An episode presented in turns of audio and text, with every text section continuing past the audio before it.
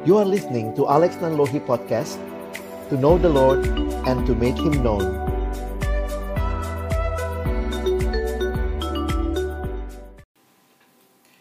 Baik Bapak Ibu yang dikasihi Tuhan, mari sama-sama kita berdoa sebelum kita membaca merenungkan firman Tuhan.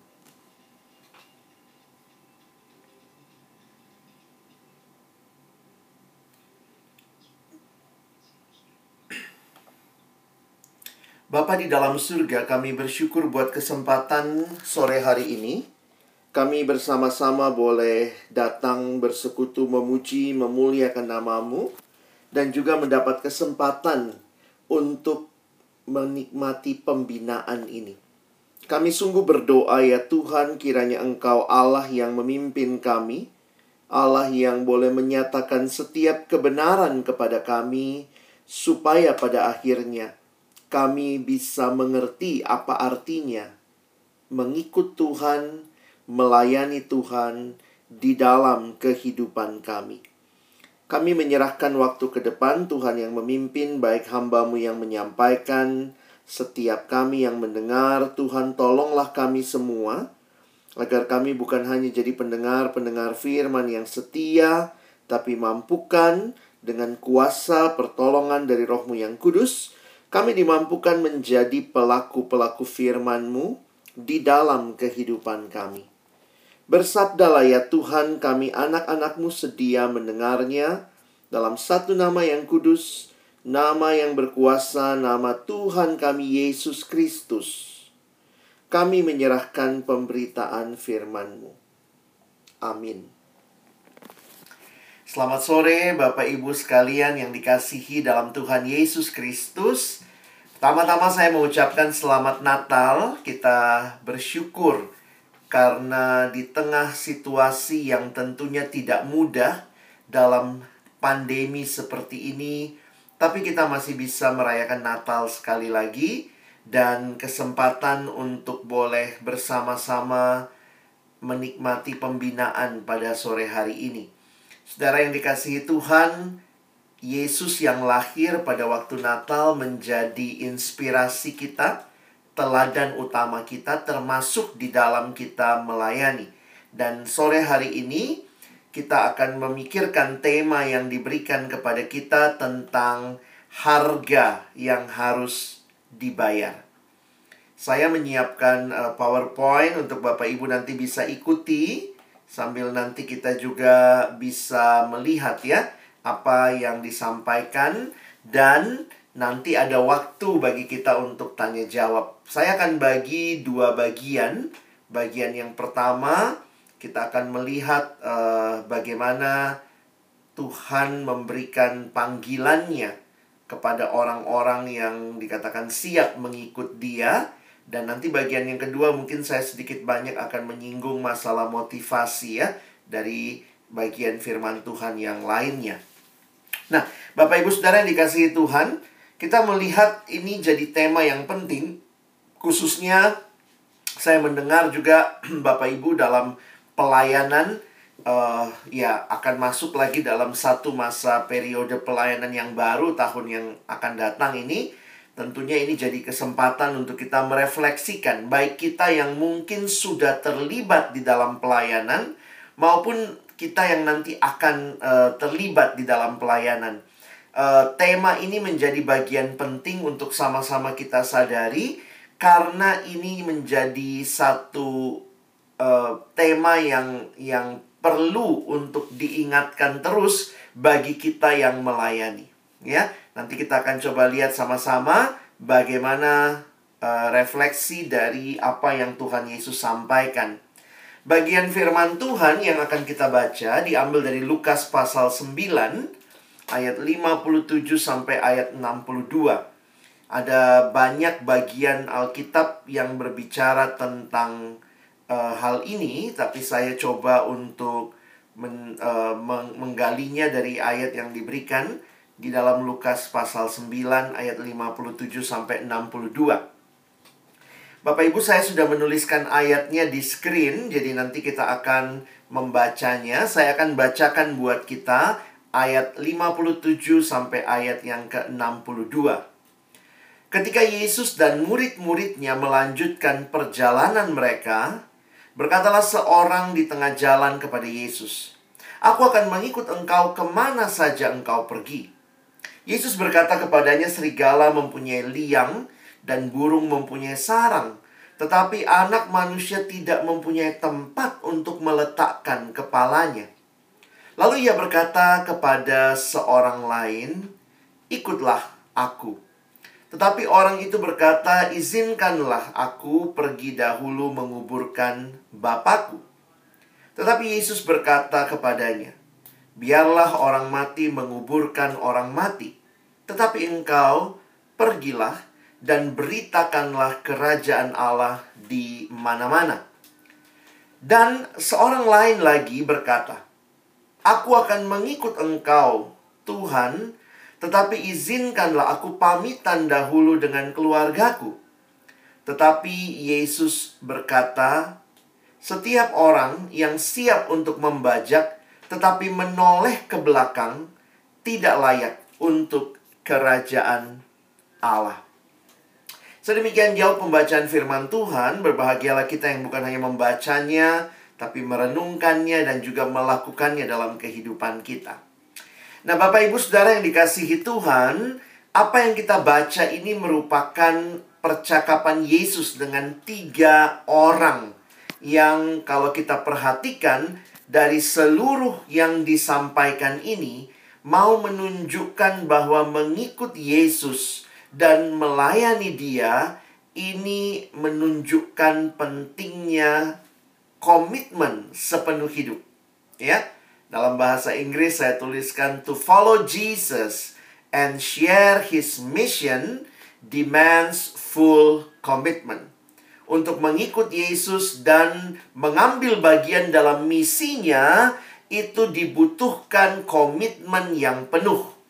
Nah, mungkin ini jadi hal yang penting untuk sama-sama kita pikirkan karena dalam pelayanan kita harus melihat ada juga orang-orang yang tidak dengan sungguh-sungguh memahami apa sih artinya mengikut Tuhan dan melayani Tuhan. Komitmen menjadi hal yang penting yang sama-sama bisa kita pahami dan pelajari dari apa yang Tuhan Yesus sampaikan. Nah, mari Bapak Ibu kita melihat dalam kaitan tema sore hari ini uh, tiga orang yang muncul ini ya, tiga orang yang bercakap-cakap dengan Yesus tentang mengikut Dia. Ya, kita mulai dari orang yang pertama. Kalau Bapak Ibu perhatikan, pada waktu itu tadi ayatnya mengatakan ketika Yesus dan murid-muridnya melanjutkan perjalanan mereka. Berkatalah seseorang di tengah jalan kepada Yesus. Jadi kalau kita perhatikan orang ini yang datang dan ngomong sama Yesus ya. Lihat kalimatnya. Aku akan mengikut engkau ke mana saja engkau pergi. Bapak Ibu saya sangat yakin bahwa Tuhan Yesus sebagaimana kita yakini dia adalah Tuhan yang mengetahui isi hati orang sehingga kalau kita perhatikan dari jawaban Tuhan Yesus bagi saya di sini kita bisa menemukan kebenaran apa yang terkait dengan panggilan mengikut dia. Saudara lihat apa yang Yesus sampaikan di ayat yang ke-58. Yesus berkata kepadanya, serigala mempunyai liang dan burung mempunyai sarang. Tetapi anak manusia tidak mempunyai tempat untuk meletakkan kepalanya. Apa yang dimaksud dengan ayat ini? Serigala punya liang, burung punya sarang. Ini menunjukkan bahwa setiap hewan itu punya tempat untuk tinggal, ya. Dan kalau kita perhatikan pada waktu itu pelayanan Yesus itu berkeliling dari kota ke kota. Sehingga kalimat ini jadi menarik untuk orang yang mau mengikuti Yesus karena apa yang Tuhan Yesus sampaikan menunjukkan sesuatu yang sangat mendasar dalam melayani dan mengikuti Yesus. Bahwa ketika banyak orang berpikir Mengikut Yesus itu berarti bisa mendapatkan sesuatu, termasuk mungkin ada kenyamanan, ada tempat tinggal, serigala saja punya liang, burung saja punya sarang. Tapi kenapa Yesus mengatakan anak manusia tidak punya tempat untuk meletakkan kepalanya? Bapak Ibu yang dikasihi Tuhan bagi saya menarik ketika melihat percakapan ini karena nampaknya Yesus tidak hanya senang banyak orang mengikut dia. Wah, ini yang sangat sangat berbeda saya pikir dengan pemimpin-pemimpin di dalam dunia. Pemimpin dalam dunia senang banget punya banyak pengikut. Tapi Tuhan Yesus tidak hanya senang orang-orang mengikut dia, tetapi dia menantang mereka. Mau ikut. Serigala punya liang burung punya sarang, tetapi anak manusia tidak mempunyai tempat untuk meletakkan kepalanya. Bapak Ibu, saya mencoba menyimpulkan dengan kalimat berikut ya, bahwa yang namanya mengikut dan melayani Yesus itu bukanlah untuk dapat sesuatu. Tapi kalau kita perhatikan apa arti mengikut Yesus, itu adalah memberikan justru segala yang dimiliki. Jadi bukan untuk mendapat sesuatu, tapi justru untuk memberikan segalanya. Kalau Bapak Ibu Saudara dan saya berpikir melayani supaya kita dapat sesuatu, saya pikir ingat baik-baik ini masalah motivasi juga ya. Ada orang yang senang dengan nama besar karena itu dia mengincar mungkin jabatan. Pokoknya saya harus jadi pengurus, wah saya harus jadi majelis. Kenapa? Supaya saya dipuja-puji oleh orang. Tapi kembali lagi, ini bukan masalah jabatan, ini bukan masalah struktur, tapi Tuhan Yesus ingin menunjukkan kalau engkau siap mengikuti aku, Siapkah engkau bukan mendapatkan sesuatu, tapi mungkin engkau akan kehilangan sesuatu? Karena mengikut Yesus berarti memberikan segalanya kepada Dia. Nah, ini yang perlu uh, kembali ya. Saya juga sebagai pelayan Tuhan terus mengevaluasi diri. Sebenarnya saya ikut Yesus supaya dapat sesuatu atau sebenarnya saya memang mengikut dia untuk, ya Tuhan ini hidupku. Aku persembahkan semuanya untukmu. Hati-hati banyak orang yang mungkin terlihat melayani Tuhan. Tapi pada dasarnya dia tidak sedang melayani Tuhan. Dia sedang melayani dirinya sendiri. Penulis Charles Spurgeon, dia juga seorang pengkhotbah dalam salah satu khotbahnya dia mengkhotbahkan tentang apa artinya melayani Tuhan. Dia kasih cerita ilustrasi tentang the king and the carrot. Jadi bahasa Inggris kalau Bapak Ibu nanti senang bisa searching di Google, judul ilustrasinya itu Raja dan Wortel. Jadi ceritanya ada seorang raja yang memerintah di sebuah kerajaan dan ketika itu raja ini uh, punya banyak rakyat penduduk yang hidup di kerajaannya. Ada seorang petani. Satu waktu petani ini panen, dia adalah petani wortel. Nah, waktu dia panen wortel, dia kemudian uh, persembahkan wortel itu kepada raja. Jadi pada waktu panen dia lihat dia cari wortelnya yang terbesar, terbaik, dia bawa sama raja. Wah, dia datang sama raja, dia datang ke istana lalu dia bilang kepada raja, "Ya raja, inilah wortel yang terbesar dan terbaik yang aku miliki. Aku persembahkan ini kepada raja."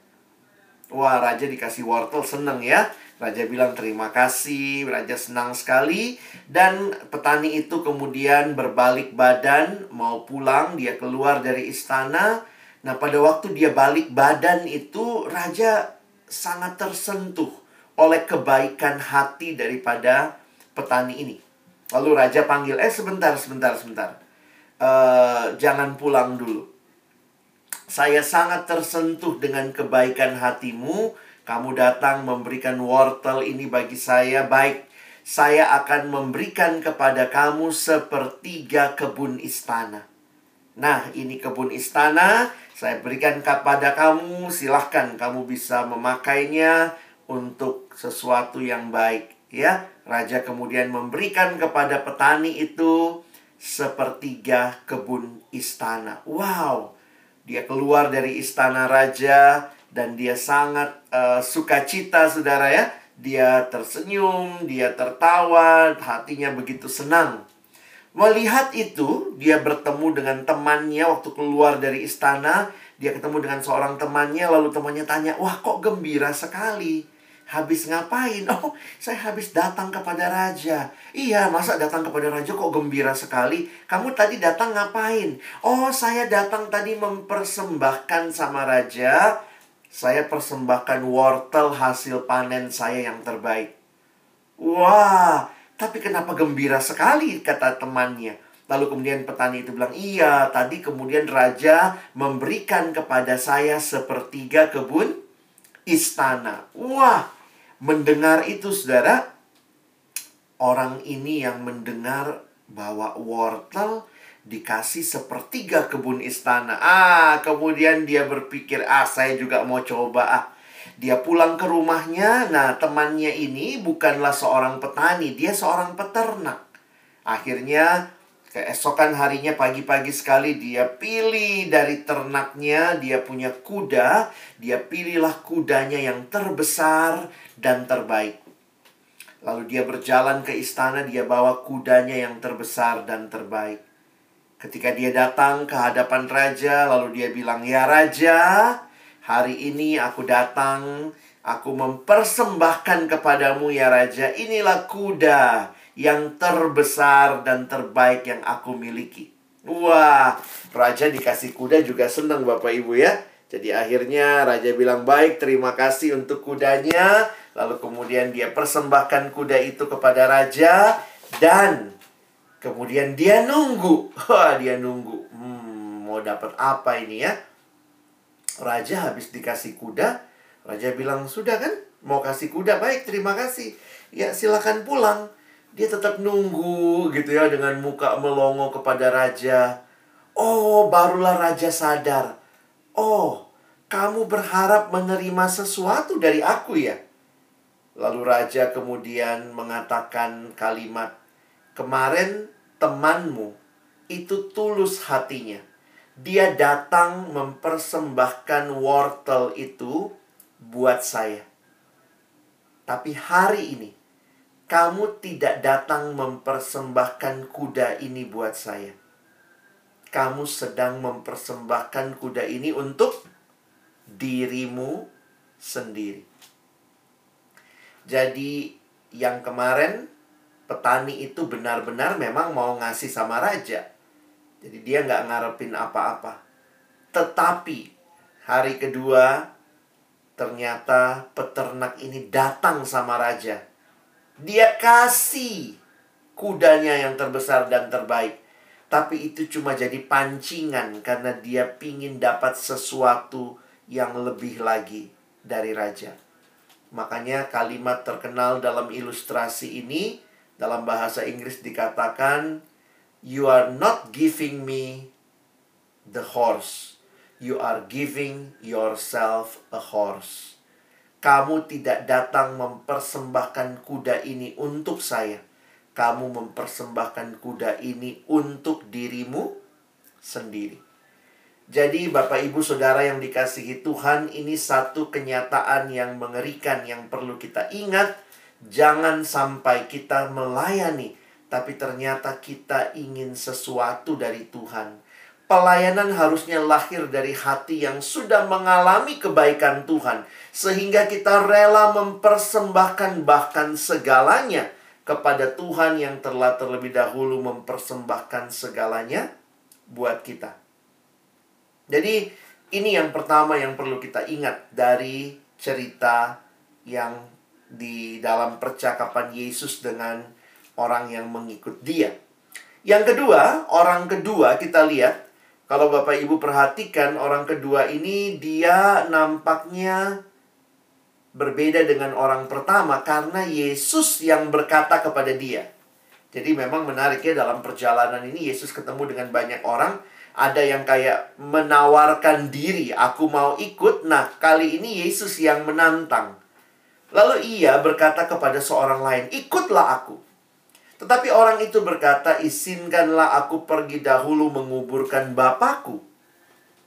Tetapi Yesus berkata kepadanya, biarlah orang mati menguburkan orang mati. Tetapi engkau pergilah dan beritakanlah kerajaan Allah di mana-mana. Nah mungkin kalau kita membaca sekilas kita jadi melihat Tuhan Yesus kok kasar amat ya. Dia kan mau menguburkan bapaknya. Nah tetapi kalau Bapak Ibu perhatikan sebenarnya ada hal yang menarik.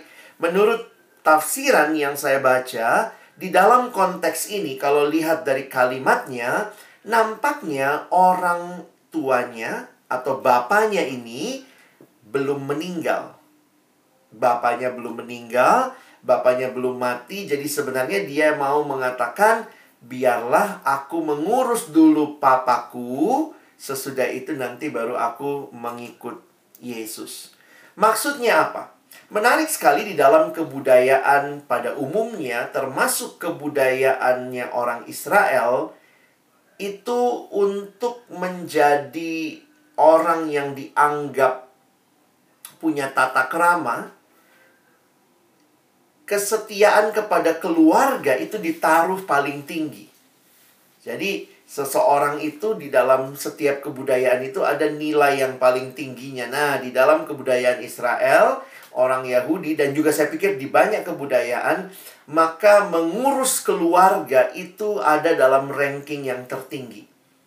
Dan menarik, kemungkinan besar kalau kalimatnya orang ini mau menguburkan bapaknya, berarti ada kemungkinan dia adalah anak yang tertua.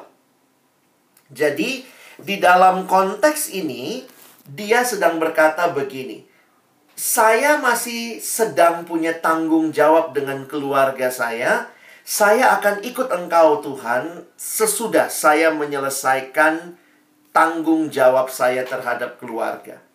Dan kalau perhatikan, kemungkinan besar ayahnya belum mati, belum meninggal, sehingga dia belum tahu kapan dia akan ikut Yesus. Dan kalimat Yesus adalah biarlah orang mati menguburkan orang mati. Nah, kalimat ini secara khusus memang beda dengan bagian sebelumnya karena nampaknya yang dibicarakan adalah kematian rohani. Maksudnya, orang yang mati rohani yang menguburkan orang yang mati rohani. Orang yang mati rohani yang mengurus orang yang mati rohani. Kira-kira seperti itu, bukannya Yesus berkata orang mati bisa nguburin orang mati juga, bukan ya? Tetapi Tuhan Yesus mau mengatakan ini urusan yang penting, mari ikut aku. Makanya Yesus berkata, tetapi engkau pergilah dan beritakanlah kerajaan Allah di mana-mana.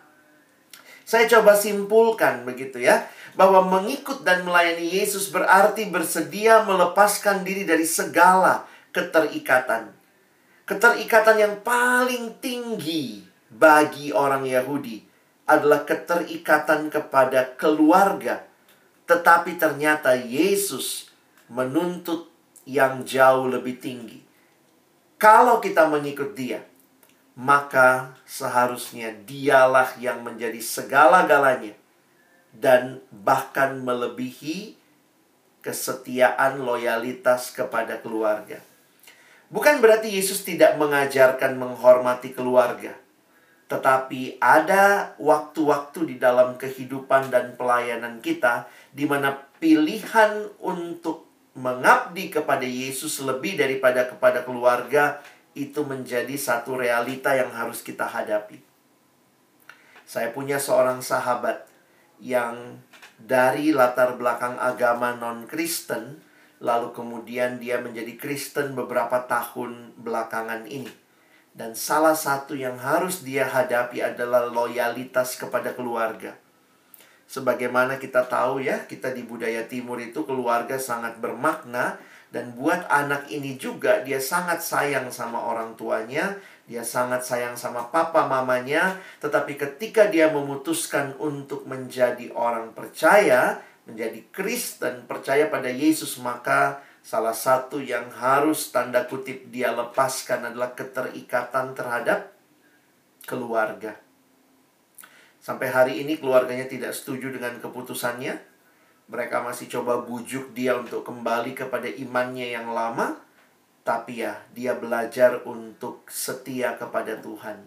Dia katakan, "Saya mohon didoakan karena ini keputusan yang sulit. Saya terus bergumul, tapi saya yakin Tuhan pun mengasihi keluarga saya." Kalau saudara dan saya menempatkan Yesus yang terutama, maka ingatlah Tuhan Yesus juga yang akan menolong kita bisa bersikap dengan tepat kepada keluarga kita. Jadi sekali lagi Bapak Ibu lihat bahwa ada harga yang dibayar ya. Waktu bilang mengikut Yesus, mau nggak kita melepaskan diri dari segala ikatan-ikatan yang mungkin buat kita begitu penting. Buat beberapa orang keluarga itu penting sekali. Buat beberapa orang pekerjaan itu penting sekali. Tapi saya juga bertemu dengan hamba-hamba Tuhan, khususnya mereka yang terpanggil, yang dulunya mungkin punya latar belakang pernah jadi pegawai, pernah punya bisnis gitu ya. Tapi karena Tuhan memanggil, mereka termasuk orang-orang yang bergumul dan akhirnya meninggalkan pekerjaan mereka demi melayani Tuhan yang dikatakan tadi memberitakan Injil di mana-mana. Nah, saya tidak tahu apa yang Bapak Ibu Saudara harus lepaskan demi melayani Tuhan dengan sungguh, tapi mungkin itu juga jadi bagian yang Tuhan sedang tantang untuk saudara dan saya lepaskan. Ya, jadi ini yang kedua. Orang yang ketiga, yang terakhir ya. Orang yang ketiga ini dia yang datang kepada Yesus nampaknya ya. Jadi orang yang pertama dan ketiga ini Nampaknya kondisinya sama. Dan seorang lain lagi berkata, Aku akan mengikut engkau, Tuhan. Tetapi izinkanlah aku pamitan dahulu dengan keluargaku. Nah, Yesus menjawab, setiap orang yang siap untuk membajak tetapi menoleh ke belakang tidak layak untuk kerajaan Allah. Sekali lagi, ini ada kaitan dengan keluarga pamitan dengan keluarga. Apakah Tuhan Yesus tidak setuju dia pamitan dengan keluarga? Oh, saya pikir Tuhan Yesus pun sangat sadar betapa pentingnya keluarga. Dari atas kayu salib di dalam penderitaan yang begitu berat yang Yesus alami. Tapi lihat di kayu salib itu dia bahkan masih peduli dengan ibunya. Di dalam uh, kalimat yang disampaikan di Injil Yohanes, Terlihat dengan jelas Yesus dari atas kayu salib dia menitipkan ibunya kepada Yohanes, murid yang dia kasihi. Dia bilang sama Yohanes, dia bilang uh, kepada Maria, ini ibu, inilah anakmu. Dan kemudian kepada Yohanes, anak, inilah ibumu. Dan Alkitab mencatat sejak hari itu Yohanes menerima Maria di dalam rumahnya. Apa yang dimaksud dengan bagian ini? Sekali lagi Yesus tidak melarang untuk punya relasi dengan keluarga bahkan juga untuk benar-benar punya kehidupan yang mem mementingkan keluarga. Tetapi karena Yesus tahu hati orang ini, nampaknya dia hanya menggunakan keluarga sebagai alasan untuk tidak mengikut Tuhan. Ada orang-orang yang mau kelihatan baik di depannya. Waktu di depan dia ngomong, oh aku akan mengikut engkau. Tapi belakangnya, izinkan aku pamitan dahulu ya. Kelihatan baik, tapi sebenarnya tidak sungguh-sungguh punya hati yang tulus. Karena itu Yesus menggunakan ilustrasi membajak. Kalau Bapak Ibu mengerti dalam konteks masa masyarakat pada masa itu, bahkan juga sampai masa sekarang, Orang yang membajak, kalau mau membajak dengan tepat, itu jangan menoleh ke belakang. Itu harus lurus ke depan ya. Jadi, dengan dia lurus ke depan, dia tidak akan punya apa ya jalur yang menggak-menggok gitu ya belok-belok dia harusnya lurus ke depan Jadi saya menyimpulkannya seperti ini. Orang yang mengikut dan melayani Yesus berarti fokus hanya kepada Yesus saja. Tidak menjadikan hal-hal lain sebagai alasan untuk sebenarnya tidak fokus sama Tuhan. Jadi kalau kita perhatikan dari tiga yang Tuhan Yesus jawab yang menjadi keberatan ataupun alasan dari orang-orang ini, Tuhan Yesus sebenarnya sedang ingin menyatakan bahwa mengikut dan melayani Dia berarti itu siap menerima segala konsekuensi. Nah, di dalam konteks kita, kita menyebutnya inilah harga yang harus dibayar di dalam pelayanan. Saya pikir ini bukan cuma pelayanan, tapi juga pemuridan kita.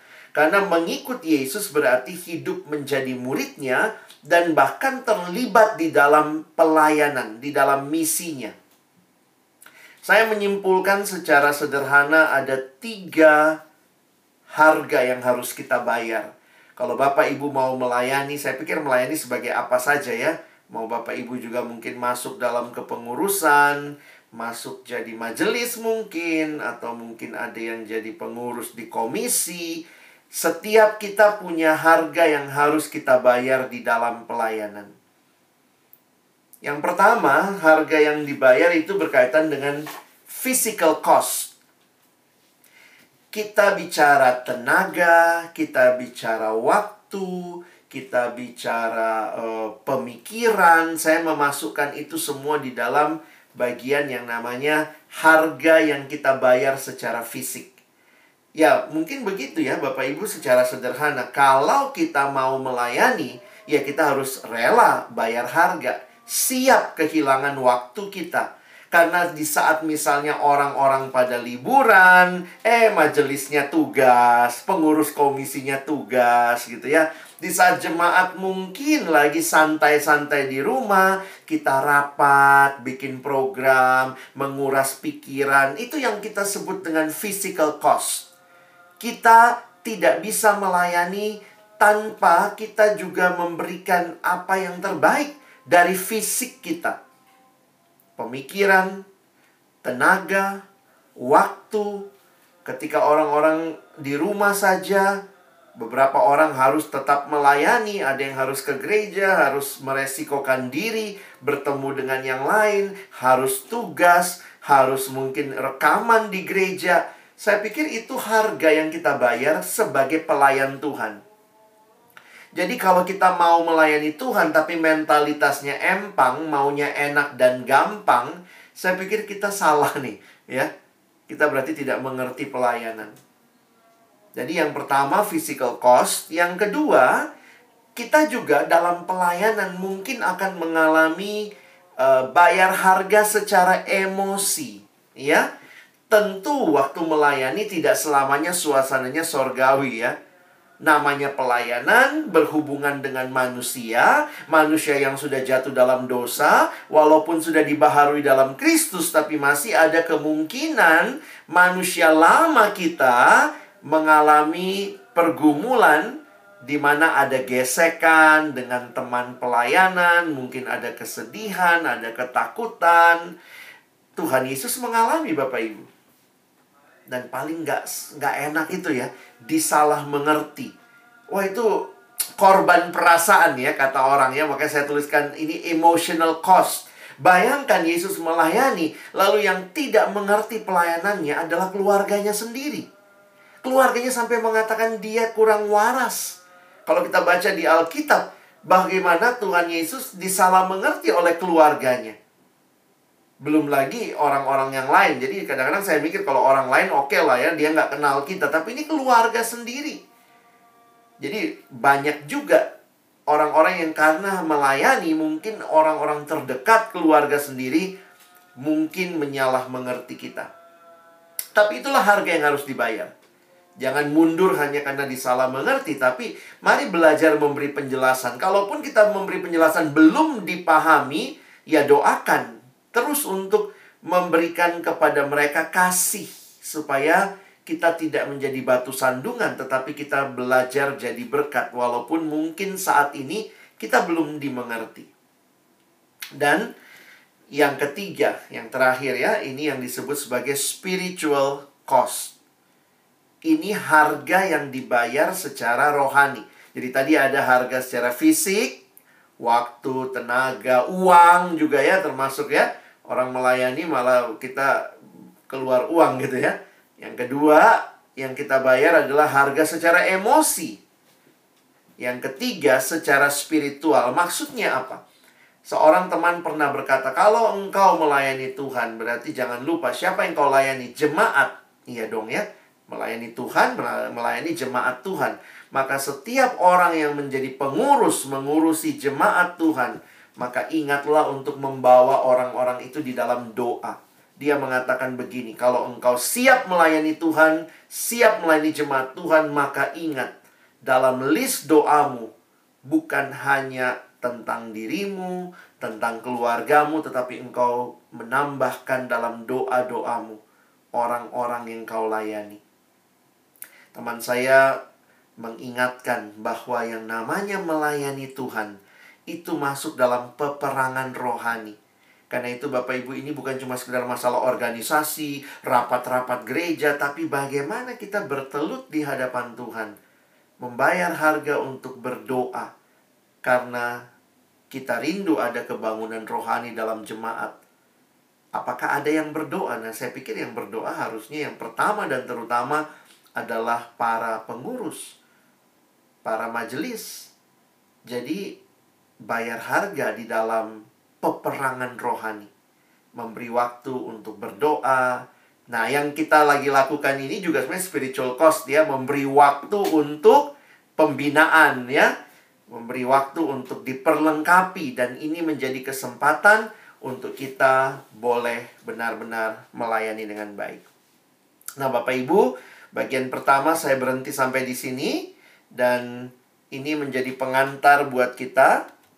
Jika ada yang ingin bertanya, silakan. Untuk bagian pertama saya beri waktu.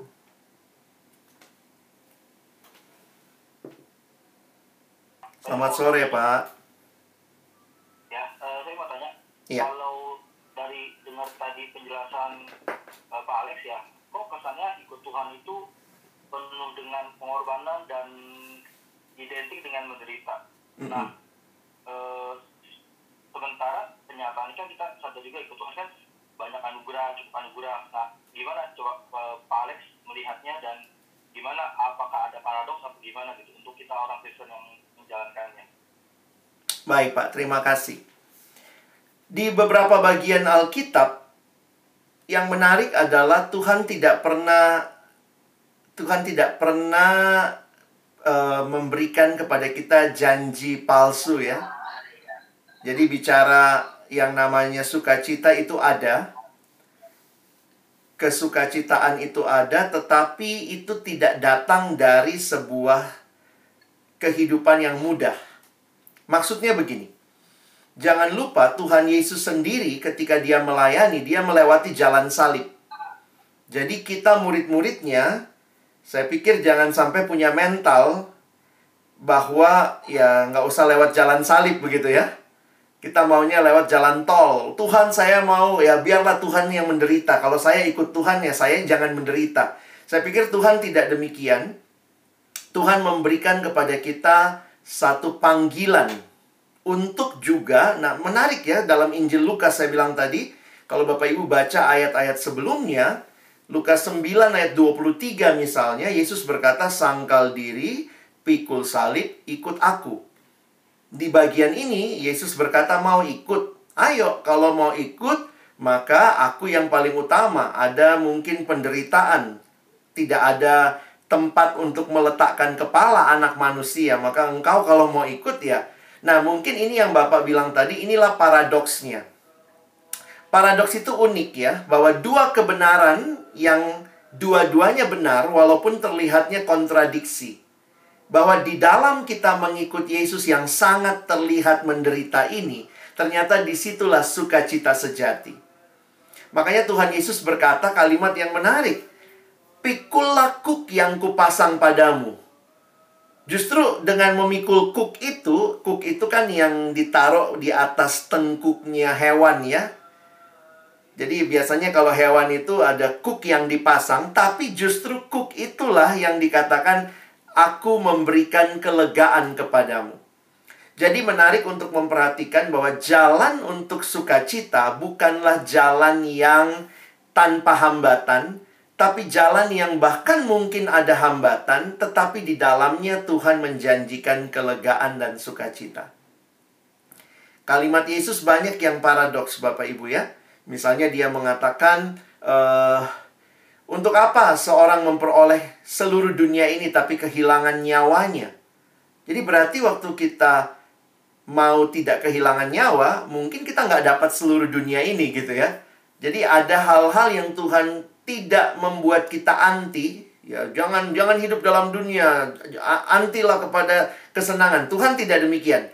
Ketika kesenangan ada, nikmatilah. Tetapi ketika pergumulan ada, jalani itu dengan tetap memandang kepadaku, karena di situ juga ada sukacita yang Tuhan bisa berikan. Jadi kalau orang dunia cuma dapat sukacita dari kondisi tanpa masalah, buat kita anak Tuhan, kita bisa dapat sukacita dari kondisi tanpa masalah kalau Tuhan mau kita hidup tidak mengalami berbagai masalah. Yang kedua, Tuhan pun bisa memberikan sukacita bahkan waktu kita harus melewati beberapa masalah. Jadi saya pikir uh, itu yang bagi kita orang percaya sangat-sangat membedakan. Makasih Pak pertanyaannya. Apakah ada lagi?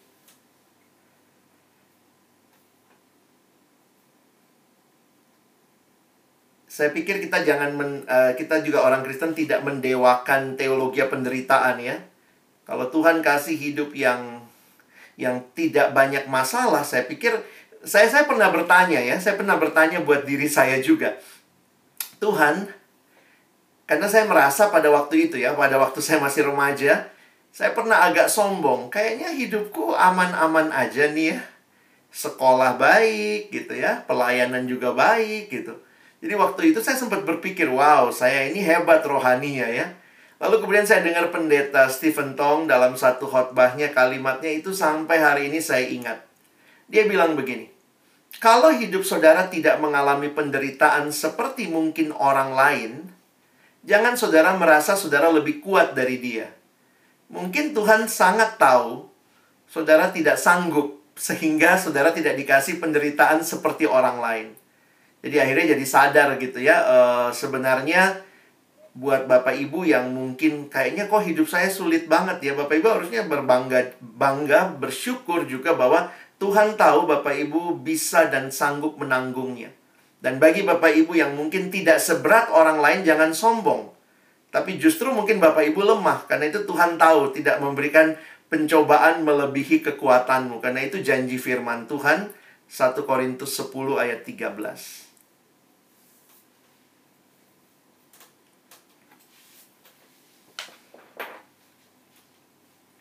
Jika masih ada, saya persilahkan sebelum saya lanjut.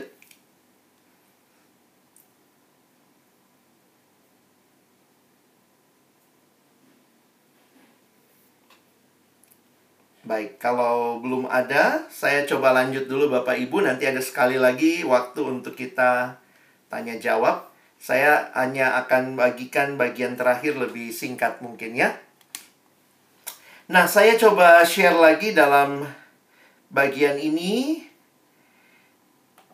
saya berpikir lebih lagi tentang bayar harga sebenarnya. Sempat saya berpikir tentang bayar harga lebih jauh lagi, akhirnya saya mengangkat bagian ini, ya.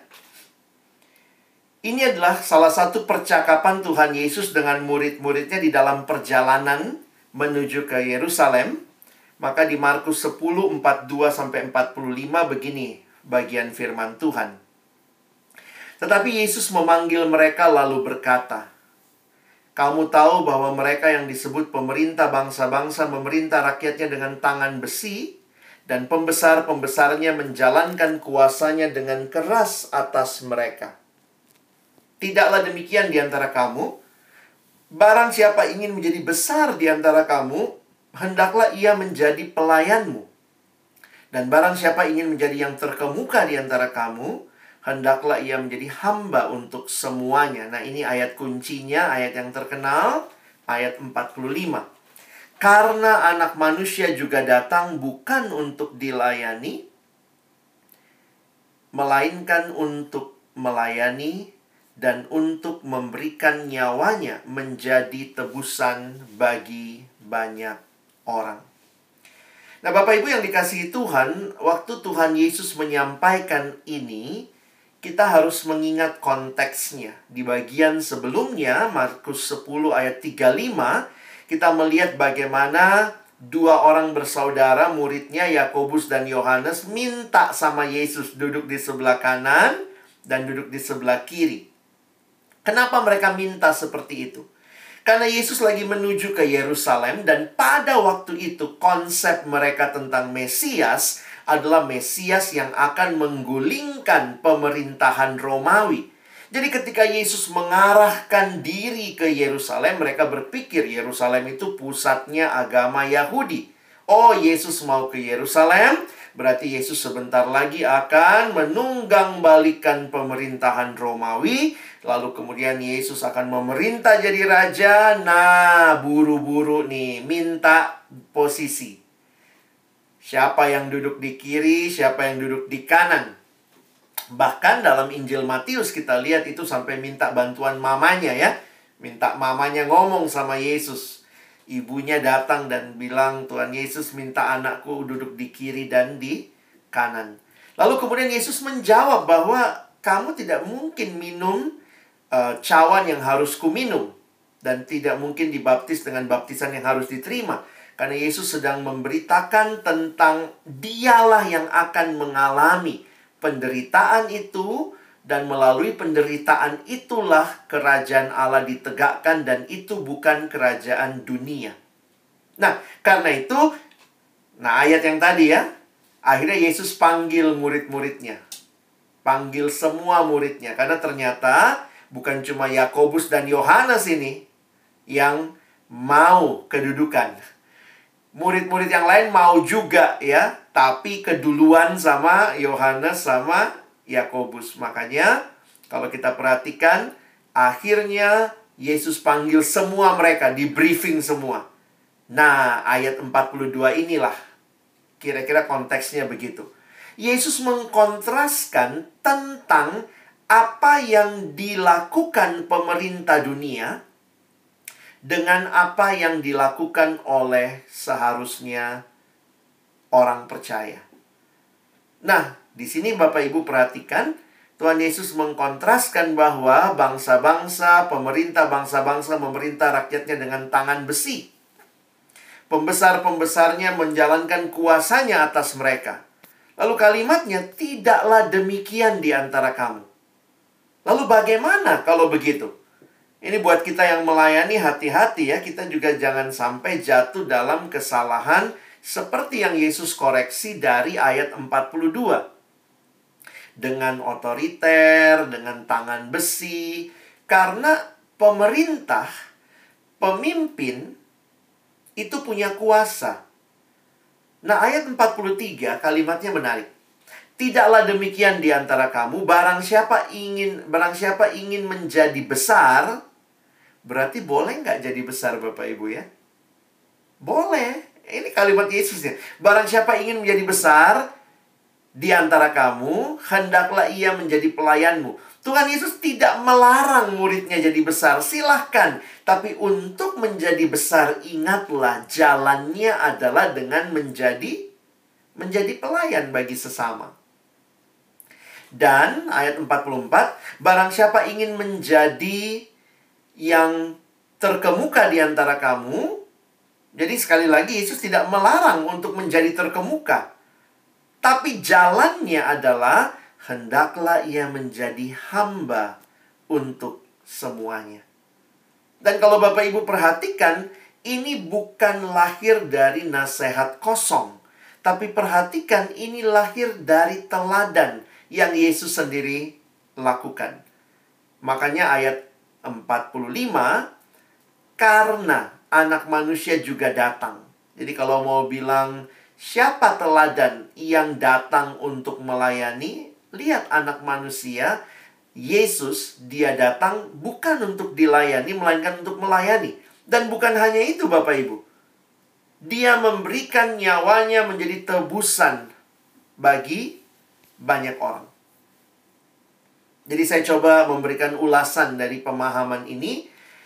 Bagi banyak orang, menganggap diri sebagai pemimpin Kristen, baik yang di kantor, di organisasi, di rumah, ataupun gereja, menganggap dirinya pemimpin Kristen, meskipun konsep dan aksi kepemimpinan mereka sangat berbeda dengan konsep dan aksi kepemimpinan Yesus.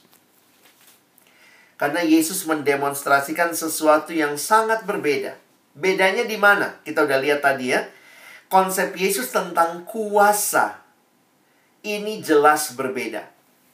Namun kita harus ingat bahwa Yesus sendiri tidak meniadakan kuasa karena seseorang yang berada pada posisi tertentu ada otoritas, ada kuasa. Bapak Ibu yang jadi pengurus kan paling nggak punya kuasa untuk melakukan sesuatu kepada jemaat. Yesus sendiri bilang dia punya kuasa. Lalu bedanya apa? Yesus sedang membongkar dan memperbaiki pengertian kuasa dan bagaimana penerapan kuasa itu yang Yesus lihat salah. Karena banyak orang memandang kuasa sebagai alat untuk mencapai yang dia mau. Ajaran Yesus sama sekali tidak berfokus pada kuasa seorang pemimpin, namun pada kerendahan hati seorang pelayan. Ya, jadi ini waktu Yesus bicara kuasa, dia tidak lagi bicara tentang seorang pemimpin yang menggunakan kuasanya, tapi kenapa dia berbicara tentang seorang pelayan? Nah, saya pinjam penjelasan dari seorang sahabat Profesor Senjaya seorang yang menjadi ahli dalam bidang kepemimpinan sekarang ada di Melbourne, Australia. Profesor Senjaya dalam tulisannya uh, tentang kepemimpinan Kristen memberikan pertanyaan ya. Saudara bisa setuju bisa tidak ya, tapi coba kita lihat argumentasinya dia ya. Dia tanya ya, sebenarnya kalau kita pikir-pikir mana yang benar dari dua kalimat ini? pelayan yang memimpin atau pemimpin yang melayani. Jadi Bapak Ibu bisa pikir sebentar ya. Nah, dalam tulisan Pak Senjaya dia berikan argumentasi, mana yang lebih tepat? Pelayan yang memimpin atau pemimpin yang melayani? Satu bagian firman yang saya coba gali untuk kita memahami pilihan ini. Jadi tahan dulu ya pilihannya ya. 1 Tesalonika 1 ayat 9 dan 10. Apa yang dimaksud di Alkitab ketika berbicara kehidupan Kristen yang dibaharui? Ini kesaksian yang Paulus kutip dari apa yang disaksikan oleh orang-orang pada waktu itu. Sebab mereka sendiri bercerita tentang kami, bagaimana kami kamu sambut dan bagaimana kamu berbalik. Nah, perhatikan ya Hidup Kristen itu berbalik dari berhala kepada Allah untuk melayani Allah yang hidup dan yang benar dan untuk menantikan kedatangan anaknya dari sorga yang telah dibangkitkannya dari antara orang mati yaitu Yesus yang menyelamatkan kita dari murka yang akan datang. Bapak Ibu apa yang menarik dalam kalimat ini? Kalau Bapak Ibu lihat kalimatnya, ini menunjukkan hidup Kristen yang dibaharui. Dulunya menyembah berhala, sekarang menyembah kepada Allah dan perhatikan untuk melayani Allah. Jadi sebenarnya setiap orang yang sudah percaya, yang sudah mengalami hidupnya dibaharui, ditebus, itu mereka yang sudah berbalik dari berhala dan sekarang melayani Allah. Jadi sebenarnya dari ayat ini ya Bapak Ibu kalau perhatikan semua kita itu adalah apa? Kalau Bapak Ibu perhatikan semua kita sebenarnya adalah pelayan-pelayan Allah. Jadi pelayan Allah tuh yang mana? Bukan yang bukan cuma yang punya ini ya, apa istilahnya sebentar. Uh, bukan cuma punya jabatan disebut pelayan Allah, tapi semua orang yang sudah selamat itu adalah pelayan Allah. Kalau Bapak Ibu lihat ayatnya ya. Makin saya sadar yang namanya pelayanan itu, pelayanan itu bukan jabatan. Tapi pelayanan itu sebenarnya adalah jati diri yang melekat pada setiap kita yang sudah berbalik dari berhala kepada Allah. Jadi Bapak Ibu, saya harap kita tidak salah memahami semua orang selama dia hidup sebenarnya adalah seorang yang melayani Allah. Memang ada yang jadi pengurus, ada yang jadi majelis, tapi yang jemaat juga pada intinya pada dasarnya dia juga pelayan Allah. Dari mana, Pak? Lihat ayatnya. Dia berbalik dari berhala, sekarang dia melayani Allah. Jadi sebenarnya semua kita yang sudah hidup baru ini, kita adalah pelayan-pelayan Allah. Makanya saya pernah mengatakan kalimat begini ya. Bapak Ibu, selama kita hidup, kita mungkin mantan majelis. Kita mungkin mantan pengurus komisi. Tetapi selama Bapak Ibu dan saya hidup, kita belum pernah jadi mantan pelayan. Karena pelayan itu adalah status yang melekat karena keberadaan kita yang sudah berbalik dari berhala kepada Allah. Kita tidak pernah jadi mantan pelayan. Kita adalah orang-orang yang melayani Allah. Jadi balik lagi pertanyaannya, mana yang lebih tepat? Pelayan yang memimpin atau pemimpin yang melayani? Nah, Profesor Senjaya dari argumentasi yang disampaikan melihat bahwa lebih tepat kita bicara status dasar setiap kita itu pelayan. Ya. Jadi kalimatnya kira-kira begini. Pemimpin pelayan atau servant leader bukan pemimpin, jadi bukannya dia di posisi atas, dia pemimpin lalu dia turun melayani. Bukan status dasar setiap kita itu pelayan. Lalu yang pelayan ini semua kan pelayan diangkat jadi pemimpin. Jadi sekali lagi ia bukanlah seorang pemimpin yang posisinya tinggi lalu merelakan diri untuk melayani orang lain. Namun ia pertama-tama seorang pelayan, seorang hamba Allah yang lalu terpanggil memimpin. Di dalam Alkitab ada beberapa ayat seperti ini ya. Saudara-saudaraku, memang kamu telah dipanggil untuk merdeka, tetapi janganlah kamu mempergunakan kemerdekaan itu sebagai kesempatan untuk kehidupan dalam dosa, melainkan nah ya Galatia 5 ayat 13, melainkan layanilah seorang akan yang lain oleh kasih. Saudara dan saya dipanggil untuk melayani. Jadi kita itu servant ya jadi bukan leader servantship ya tapi servant leadership kita itu pada dasarnya pelayan. Lalu kemudian Tuhan panggil kita untuk memimpin. Saya makin sadar satu-satunya pemimpin yang turun melayani itulah Yesus. Dia yang punya posisi paling tinggi. Dia raja di atas segala raja. Dia turun melayani. Dialah pemimpin yang melayani. Kita pada dasarnya pelayan yang ditebus oleh Allah dan kita yang sama-sama pelayan diangkat jadi pemimpin. Karena itu kita harus ingat selalu pakai status kita. Status ketua, pengurus, majelis, jangan pakai status itu untuk otoritas saja. Pakailah status itu untuk melayani dengan kerendahan hati. Karena itu saya tutup bagian ini dengan kutipan dari Profesor Senjaya. Ini kalimat yang sangat bermakna, silakan Bapak Ibu bisa perhatikan. Dia menyatakan begini. Memimpin adalah melayani. Namun, melayani belum tentu memimpin. Nah, coba pahami kalimatnya. Memimpin adalah melayani. Namun melayani belum tentu memimpin. Yang tidak mau melayani tidak boleh dan tidak berhak memimpin. Pemimpin adalah pelayan.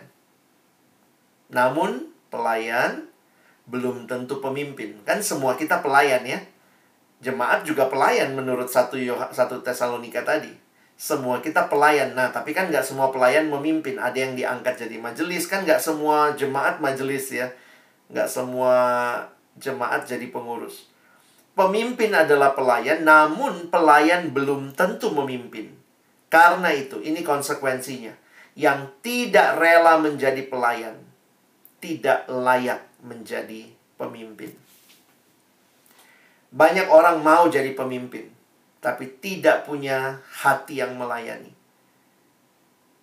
Kalimat ini menegaskan yang tidak rela menjadi pelayan, saudara tidak layak menjadi pemimpin. Namun sebaliknya, kalau saudara rela menjadi pelayan, saudara adalah pemimpin yang sejati. Kiranya bagian ini menolong Bapak Ibu Saudara apa pun bagian yang mungkin akan Tuhan percayakan kepada kita ke depan. Ada waktunya gereja harus mengganti pengurus karena periodenya selesai. Ada bagian jemaat butuh orang-orang yang diangkat menjadi pengurus, pelayan, yang menjadi majelis, tapi biarlah kita benar-benar mengerti bahwa ini bukan panggilan untuk menjadi penguasa, tapi ini adalah panggilan untuk menjadi pelayan.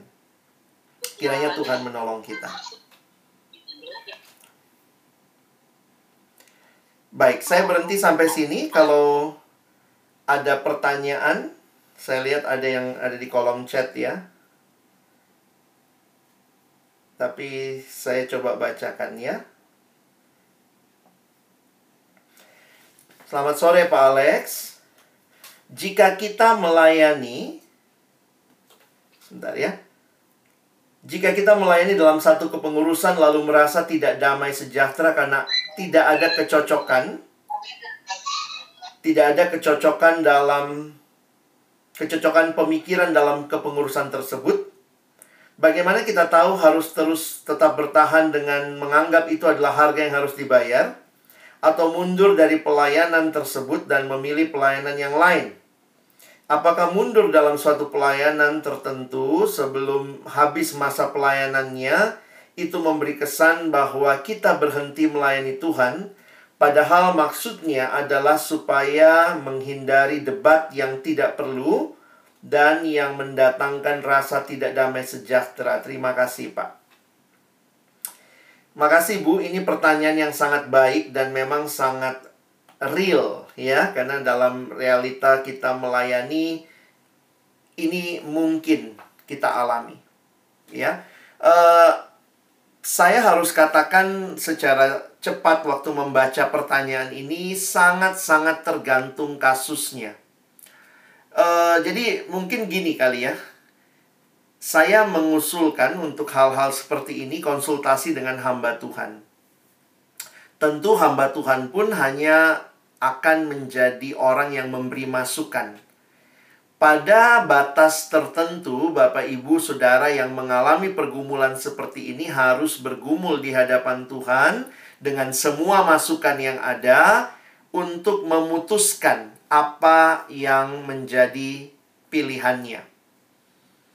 Jadi, uh, kembali lagi saya harus katakan sulit kadang-kadang kita sulit untuk bisa memahami bahwa yang kita putuskan itu menyenangkan semua orang. Nggak, nggak bisa ya. Keputusan yang kita ambil apa pun itu pasti tidak mungkin menyenangkan semua orang. Tapi kalau kita sudah gumulkan di hadapan Tuhan, saya pikir Bapak Ibu coba ambil keputusan itu dan uh, pertanggungjawabkan di hadapan Tuhan. Tapi um, proses menuju keputusan itu saya mengusulkan tetap minta masukan dari banyak orang. Paling tidak kita orang-orang yang kita percaya, hamba Tuhan gitu ya, kita coba konsultasi. Memang akhirnya tipis bedanya ini harga yang harus dibayar atau ini adalah saya saya uh, saya udah nggak damai nih, saya keluar dari situ. Beberapa kali saya melihat Tuhan ubahkan kita sebelum Tuhan ubahkan orang lain. Nah, ini ini pengalaman, tapi sekali lagi silakan Bapak Ibu bergumul ya. Dalam situasi tertentu di kehidupan, tidak selamanya Tuhan menghentikan badainya. Beberapa kali dalam kehidupan, Tuhan tetap menghadirkan badai itu, tapi yang Tuhan ubahkan adalah sikap kita menghadapi badai itu. Saya pernah mengalami pergumulan kira-kira seperti yang ibu sampaikan tadi. Uh, saya udah sempat mau quit ya. Tapi dalam beberapa kali pertemuan, eh, saya orang ini sel, sudah selalu menyakiti saya, hampir selalu mau nyakitin aja. Kalau merespon itu sebenarnya nyakitin ya. Beberapa kali nunjuk-nunjuk saya gitu ya, dan akhirnya saya sadar gitu. Uh, saya udah mau keluar aja deh. Kalau begini terus juga nggak damai segala macam ya. Tapi itulah ya anugerah Tuhan ketika ya saya berdoa, saya minta masukan dari beberapa orang dan saya doakan. Nah, ini yang yang bagi saya juga penting saya doakan orang itu Tuhan ubahkan, tapi bukan Tuhan ubahkan dianya, Tuhan ubahkan sayanya. Jadi akhirnya saya bisa melihat kritikan-kritikan tajam dia kepada saya ternyata itu membentuk saya. Memang tidak semua yang dia katakan benar, tapi ada yang benar. Tapi ketika saya dulunya merasa tersinggung, semua jadi nggak benar. Jadi belakangan akhirnya Tuhan ubahkan saya. Sekarang saya satu tim dengan orang itu, dan kami jadi teman baik. Karena saya melihat Tuhan pakai dia membentuk saya. Kalau semua orang sesuai dengan yang saya mau, saya nggak pernah dapat kritik. Saya nggak pernah dapat koreksi. Saya cuma cari orang yang nyaman dengan saya. Tapi akhirnya Tuhan pakai dia. Nah balik lagi Bapak Ibu, ini tergantung pergumulan Bapak Ibu. Dan mungkin bukan dianya yang berubah. Kalau mungkin Tuhan izinkan Bapak Ibu alami pergumulan seperti saya, sayanya yang berubah. Dan di situ saya jadi melihat uh, sampai sekarang dia masih begitu ngomongnya suka tajam gitu ya. Tapi akhirnya saya bisa melihat oh ya udah itu caranya Tuhan memakai dia mengkritik saya juga apa yang baik saya ambil yang tidak saya nggak ambil gitu. Jadi eh, kira-kira begitu jawaban saya karena ini sangat kasuistis ya kasus jadi Bapak Ibu harus banyak minta pertimbangan sebelum akhirnya memutuskan. Selanjutnya dari Pak Dani. Pak Alex, terkadang ada jemaat Tuhan yang menolak tawaran pelayanan dari gereja dengan alasan melayani Tuhan bisa di bidang mana saja dan kapan saja, tidak mesti dalam gereja. Bagaimana tanggapan Bapak mengenai ini? Bagaimana anak Tuhan menempatkan prioritas tawaran pelayanan di, dari gereja? Terima kasih, Pak. Maksudnya dalam bidang mana saja. Baik, terima kasih. Ini memang alasan klise ya. Kenapa? Karena memang pada dasarnya ini bukan masalah pelayanan di mana. Pada dasarnya kita ini bukan orang yang mau melayani. Kalau lihat realita yang Alkitab sampaikan, kita ini orang yang maunya dilayani. Jadi eh, hati-hati di balik semua jawaban uh, masih ada tempat lain untuk melayani. Jangan-jangan sebenarnya pada dasarnya memang kita nggak mau melayani. Atau yang kedua yaitu ya, kita mau melayani tapi nggak mau bayar harga kita mau melayani di tempat yang semua menyanjung-nyanjung kita, kita lah segala-galanya. Sehingga ketika ada tempat yang kayaknya kita di situ nggak terlalu dihormati, nggak dihargai, padahal membutuhkan pelayan, kita jadi merasa ngapain saya di situ. Bisa jadi begitu. Tapi balik lagi buat Bapak Ibu Saudara sekalian, saya ingin mengingatkan begini. Gereja Tuhan ini kan butuh pengurus. Gereja Tuhan butuh orang-orang yang melayani nggak ada yang saya nggak mungkin datang kepada bapak ibu bawain pembinaan begini kalau nggak ada yang kontak yang mesti ada yang kontak yang kontak dari majelis dari hamba Tuhan mesti mengontak saya gitu ya Saya nggak bisa bilang, oh tadi malam Tuhan Yesus datang dalam mimpi saya, datanglah ke gereja Kristus Taman Kota. Nggak bisa, gereja itu harus ada yang mengurus, karena itu caranya Tuhan membangun jemaat. Jadi, uh, saya nggak mau memberikan apa ya, saya nggak mau memberikan kayak ancaman. Kalau saudara nggak melayani, ngeri gitu. Tapi saya cuma ingin memberikan himbauannya. Jadi bagi Bapak Ibu, ataupun kalau ada jemaat yang bilang uh, bisa melayani dalam bidang apa saja, coba tetap keputusan akhir ada di orang itu ya. Tapi coba ingatkan bahwa ya dalam gereja Tuhan ini butuh pengurus dan pelayan. Jadi uh, kiranya jangan sampai kita menutup mata terhadap kebutuhan. Nah, prioritasnya saya tetap meyakini juga begini Bapak Ibu ya. Kita harus bisa dengan baik juga menyadari bahwa uh, setiap orang mungkin punya prioritas yang berbeda. Tapi tetap mari uh, makanya melihat seperti itu saya pikir pengurus yang lama atau majelis yang lama perlu pendekatan pribadi juga membukakan hal ini kepada calon-calon ke depan. Jadi jangan cuma berpikir ah sudah dikasih pembinaan ya silahkan supaya tergerak. Di Alkitab beberapa kali juga harus dijelaskan ya. Kita jelaskan kenapa penting, bagian apa yang mungkin orang ini kita lihat dia bisa bantu.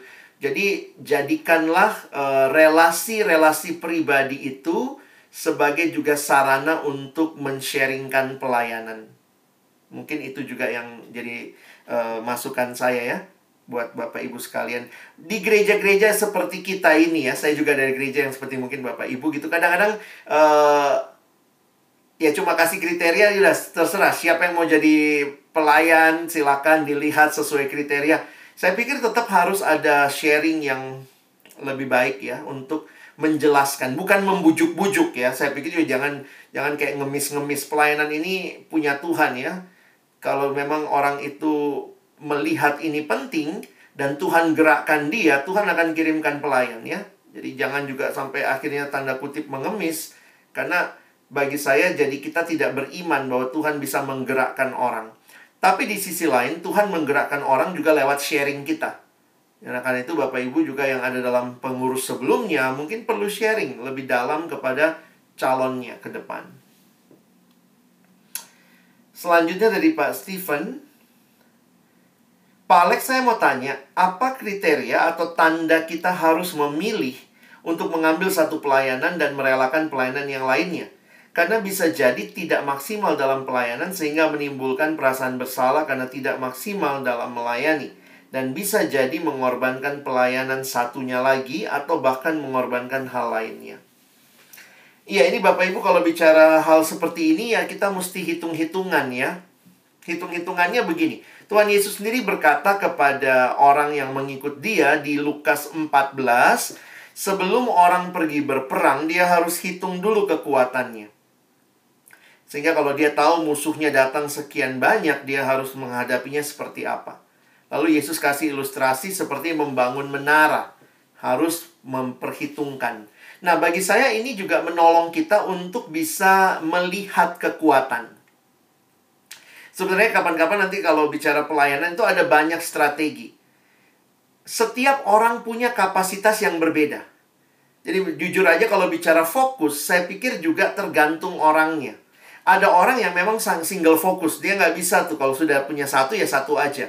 Tapi ada orang dengan kapasitas yang Tuhan kasih, dia bisa mengerjakan beberapa. Tapi, nah ini di dalam pelayanan kan ada yang namanya apakah saya mengerjakan? Atau mungkin di bagian lain saya nggak mengerjakan, saya cuma menjadi orang yang mendoakan. Jadi saya juga ketemu beberapa orang yang, loh di pelayanan ini dia ada. Loh di pelayanan itu dia ada juga. Tapi waktu kita lihat kapasitasnya memang besar tapi dia tahu perannya. Misalnya di pelayanan ini dia pemainnya, kira-kira dia yang mengerjakan. Di pelayanan itu dia cuma pendoa, misalnya. Di pelayanan yang satu, misalnya dia cuma jadi ketua yayasan atau pengurus yayasan. Nah, ini balik lagi tergantung kapasitas. Tapi kalau Bapak Ibu tidak bisa banyak fokus, maka mesti memilih. Bagaimana memilihnya? Tentu perhatikan begitu ya apakah ini jadi panggilan Tuhan? Karena pelayanan itu biasanya ada termnya. Majelis tiga tahun gitu ya, pengurus komisi misalnya berapa tahun. Jadi mungkin kita mesti melihat kalau saya belum siap mengambil bagian besar, adakah bagian lain yang bisa saya ambil? Atau kalau tiga tahun ini saya akan ambil pelayanan ini, maka saya harus mengesampingkan pelayanan yang lain ini. Jadi kita hitung-hitungannya sih seperti ya logika aja gitu ya. Dalam arti bahwa pelayanan ini juga harus dikerjakan oleh orang-orang yang memang punya waktu yang cukup. Karena jadi majelis itu pasti nggak mudah. Jadi aktivis pengurus pasti nggak mudah. Uh, ini buat bapak ibu yang mungkin bukan dalam gereja ya, mungkin pada saat yang sama di luar gereja ada kepengurusan lain, ada mungkin ikut persekutuan apa atau ada aktif di organisasi apa. Nah, itu kita mesti bisa atur diri dengan baik. Kenapa? Karena kita kan cuma satu. Jadi, uh, ini juga yang saya pikirkan perlu uh, pertimbangan. Pertimbangan, karena jangan lupa begini ya Bapak Ibu ya. Uh, buat beberapa orang, kadang-kadang pelayanan bisa jadi pelarian. Karena malas di rumah, ya udah pelayanan. Malas ketemu istri yang cerewet, ya udah pelayanan. Jadi aktif di luar, keluarga terbengkalai. Jadi ini buat orang-orang yang banyak fokus, kadang-kadang saya juga lihat nih, aktif di sini, aktif di udah kerjanya sibuk, ambil aktivitas sana sini di gereja jadi pengurus, tapi kemudian yang terbengkalai akhirnya juga misalnya keluarga. Kita tetap mesti melihat beberapa area hidup yang Tuhan berikan buat kita. Jadi itu sangat tergantung pergumulan, masukan, dan coba lihat kapasitas diri. Oke. Dari Pak Ronald ya, sebentar. Oke.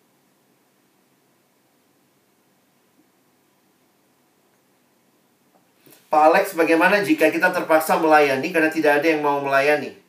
Satu sisi dalam pemikiran manusiawi, kita takut pelayanan tidak berjalan karena tidak ada yang mau. Satu sisi, kita ingin ada orang lain tergerak untuk melayani.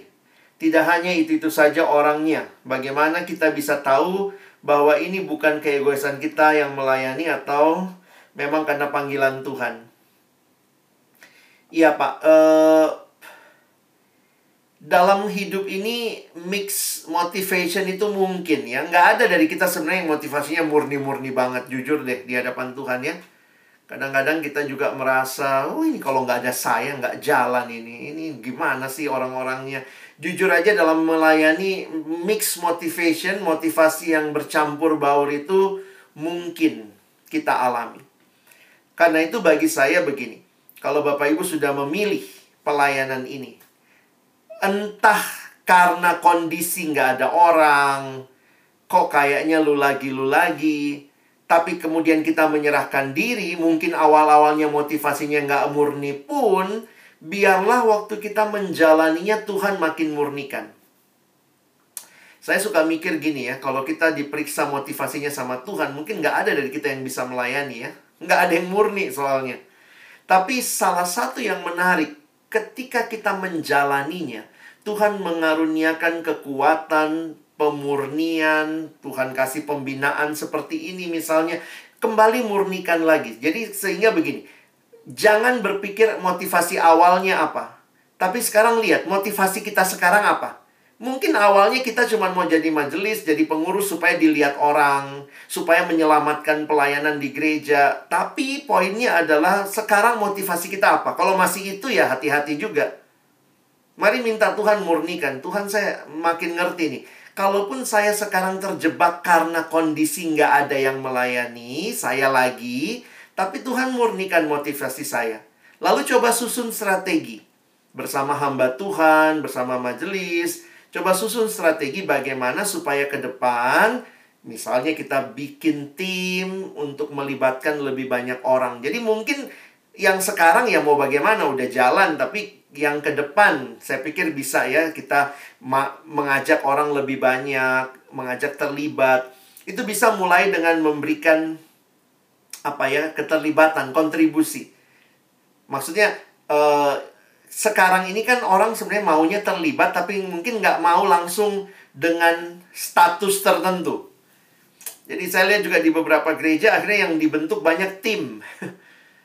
Jadi majelis ini bidang apa dia punya beberapa tim di bawahnya. Jadi daripada semua dibilang majelis keberatan nama, tapi ada tim di mana orang-orang yang pemikirannya baik bisa dilibatkan untuk membantu majelis tertentu di bidang apa misalnya.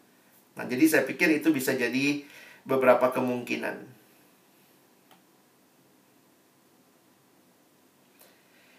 Dari Pak Philip, Alex, Ay, halo Philip ya. E, pelayanan itu kan bisa di mana saja. Apakah kita harus pelayanan di dalam gereja? Tapi mungkin di pandangan orang di dalam gereja itu artinya lebih suci, sedangkan mungkin orang itu pelayanan pelayanan di luar gereja, dalam keluarga dan lain-lain. Iya, saya udah jelaskan tadi. Sebenarnya kalau kita mau bicara lebih panjang tentang pelayanan di dalam atau di luar gereja, saya pikir tetap uh, gereja menjadi tempat di mana Injil diberitakan secara intensional. Jadi uh, ada orang suka pakai alasan begini. Saya kan kerja juga pelayanan, kerja saya kan juga pelayanan. Terus dia kerjanya di mana? Di bank, kerjanya apa misalnya uh, bisnis apa saya harus katakan tetap harus kita bisa bedakan pekerjaan saudara secara umum memang disebut pelayanan tetapi secara khusus kalau kita bicara pelayanan itu untuk memastikan pemberitaan Injil berjalan dengan baik. Nah, ini di dalam bahasa teologi ya, kita sering kali sebut dengan dua hal, mandat budaya dan mandat Injil. Jadi kalau saya melihatnya, himpunan semestanya tetap pelayanan. Seluruh hidup saya adalah pelayanan kepada Tuhan. Itu kalimat satu Tesalonika tadi. Tetapi di dalam keseluruhan hidup saya yang adalah pelayanan kepada Tuhan ada dua aspek. Saya harus memenuhi mandat budaya dengan saya bekerja, saya hidup, ya, saya mengelola hidup itu kan memenuhi mandat budaya. Tapi juga saya orang percaya dapat mandat Injil. Mandat Injil itu apa? Beritakanlah Injil kepada semua orang. Nah, poin saya adalah yang kedua ini secara intensional itu dipenuhi dalam gereja. Karena gereja ini kan secara intensional memberitakan Injil. Jadi kadang-kadang saya harus berpikir begini. Pikirkanlah pelayanan kita secara umum dalam pekerjaan, dalam keluarga. Tapi yang kedua, pikirkanlah pelayanan kita secara khusus dalam penggenapan mandat Buddha, mandat Injil. Nah, salah satu yang saya lihat sangat kuat me, memastikan mandat Injil berjalan adalah gereja. Jadi karena itu saya tetap meyakini Pekerjaan jadi sarana pelayanan kita secara umum, tapi tetap saudara harus memikirkan bagaimana saudara terlibat dalam mandat Injil, dan salah satunya pakailah struktur gereja menjadi tempat saudara melayani Injil bisa diberitakan dengan maksimal. Oke, yang terakhir kali ini dari Pak Jensen ya. Pak Alex, hal-hal apa saja yang perlu kita pertimbangkan, gumulkan ketika memutuskan bersedia atau tidak bersedia menjadi pengurus pelayan? Di dalam Alkitab sebenarnya ada kriteria. Kalau Bapak Ibu nanti bisa perhatikan rata-rata ya gereja-gereja seperti kita ini kalau lihat di tata gereja maka dia akan mengacu kepada 1 Timotius 3 tentang siapa yang boleh melayani, jadi bagi saya pertama, pertimbangan utama adalah kriteria pelayannya. Di Alkitab itu jelas. Ada dua hal sebenarnya secara kriteria pelayan. Pertama, hidupnya harus benar. Benar dalam arti ajaran. Jadi dia setuju dengan ajaran yang benar. Jadi kalau Bapak Ibu perhatikan di Alkitab, 1 Timotius, Titus, itu semua pertama harus ajarannya benar. Yang kedua harus hidupnya benar hidupnya benar ini berkaitan dengan moralitas. Jadi pertimbangan itu untuk pertimbangan kita memilih pelayan dan kita sendiri melayani. Nah, lalu yang lain saya pikir adalah pertimbangan praktis dalam hal seperti tadi waktu. Jadi saya kadang begini ya. Uh, jangan semua hal dirohanikan ya. Kadang-kadang gitu. Bahasanya orang Kristen itu kadang-kadang unik. Uh, bergumul. Apa sih bergumul itu? Jadi ada ada yang bilang gini, Pak saya butuh bergumul Pak.